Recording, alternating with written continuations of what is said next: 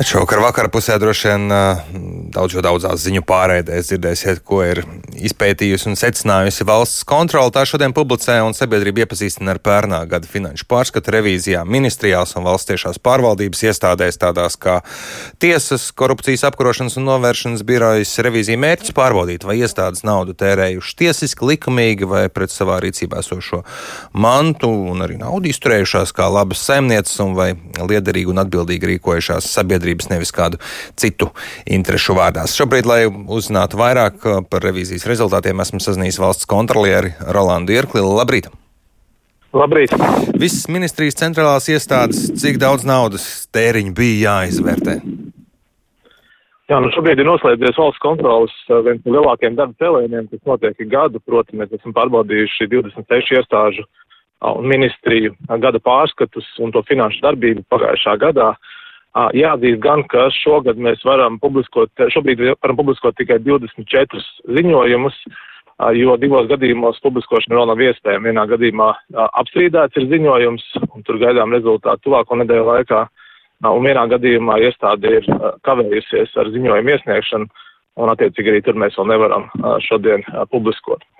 Bet, ja mēs runājam par tiem rezultātiem, tad rezultāti kopumā ir, ir stabili labi, ja tā var teikt pēdējos gados tiešām ir vērojams uzlabojums tādā finanšu pratībā, prasmē kārtot grāmatvedību, uzskaitīt pamatlīdzekļus un attiecīgi mums arvien mazāk ir iebildumi noslēdzot revīziju. Vienlaikus ir ļoti daudz kļūdas, ko mēs joprojām atklājam revīzijas laikā, bet jāuzteic gan mūsu revidenti, gan revi, revidējumās vienības, jo uh, tiešām notiek laba sadarbība un ļoti daudz kļūdas tiek izlabotas jau revīzijas gaitā. Un, un šogad mums ir tāds rekords liels apjoms ar kļūdām, proti kopējais kļūda apjoms ir tuvu vienam miljardam eiro, bet nu, lielākā daļa no viņām ir izlabotas un attiecīgi gala ziņojumi iestādēm lielākā daļa ir bez iebildēm. Um, kļūda apjoms 2 miljardiem eiro. Tas saic, saistīts ar um, pandēmijas dažādiem atbalstiem, es tā pieļauju. Jeb, jeb, nu, jeb, viena no lielākajām kļūdām ir saistīta ar, ar pandēmijas vienu atbalstiem, jā, kur attiecīgi nepareizs grāmatojums diezgan lielā apjomā. Bet nu, šī kļūda tika revīzijas gaitā novērsta un, attiecīgi, kā iebildu tur nesako. Bet divām iestādēm, divām ministrijām ir arī atzinumi ar iebildēm, un tās ir Izglītības un zinātnes ministrija un kultūras ministrija. Par ko ir iebildes? Kultūras ministrijai ir atkārtojās iebildi vēl no iepriekšējā gada, tas ir saistīts ar Brīvdabas muzeja eksponātu uzskaiti un novērtēšanu. Tur jā, jāatzīst ir uzlabojumi, bet nu netik, tā, netik ļoti, lai, lai varētu šogad iztikt bez iebildes. Un otra iebilde ir par izglītības zinātnes ministrijas dažādām iestādēm, kur arī ir pietiekami liels problēmas, jo faktiski nav iespējams gūt pārliecību par pamatlīdzekļiem vērtībā aptuveni 12 miljonu eiro vērtībā. Un attiecīgi tur arī tad, nu, nebija iespējams sniegt pozitīvu atzinumu un ir atzinums ar iebildi. Cik lielā mērā konstatētās problēmas, pārkāpumi, nu, tā vidēji raugoties, ir konkrēto iestāžu, varbūt konkrētu darbinieku kļūdas, neprasmē, varbūt cik tāda kopējā politika un valsts pārvaldes sistēmas radītas kļūdas? Nu, kas attiecās tieši uz finanšu vadību un attiecīgi finanšu pārskatiem, tad visbiežāk tās ir cilvēciskas kļūdas. Un tas, ko var arī novērot, uh, biežāk kļūdās tur, kur ir kāda mazāka iestāde, piemēram, skolās mēs redzam diezgan daudz kļūdas, kas visvairāk liecina par to, ka pietrūkst kapacitātes un iespējams profesionalitātes attiecīgiem cilvēkiem, kas nodarbojas ar finanšu vadību un grāmatvedību attiecīgajās iestādēs. Ir arī kādas uh, problēmas, kurās cilvēcīgās kļūdas varētu nonākt līdz eh, prokuratūrai, kur varbūt kādi ļaunprātīgi mērķi ir bijuši apakšā, kāda konkrēta amatpersona atbildība.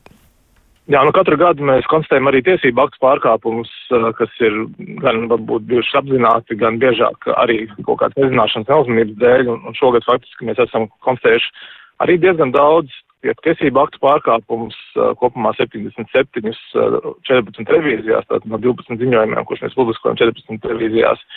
Pa kādam pārkāpumam ir atrasts, daudz no tiem ir nelieli, attiecīgi tās summas, par kurām ir runa, ir kaut kā dažu simt eiro apmērā, Bet ir arī viens lielāks gadījums šogad, kur ir vairāk 10 tūkstošu eiro apmērā mērām šī summa par nepamatot izmaksātām piemaksām vienā no iestādēm. Kā atbildībā ir šī iestāde? Tā ir Tieslietu ministrijas atbildībā iestāde un konkrēti mēs runājam par ieslodzījumu lietu pārvaldi, bet nu droši vien tad vairāk sīkāk šodien preses konferencē pusdienas desmitos par šo gadījumu.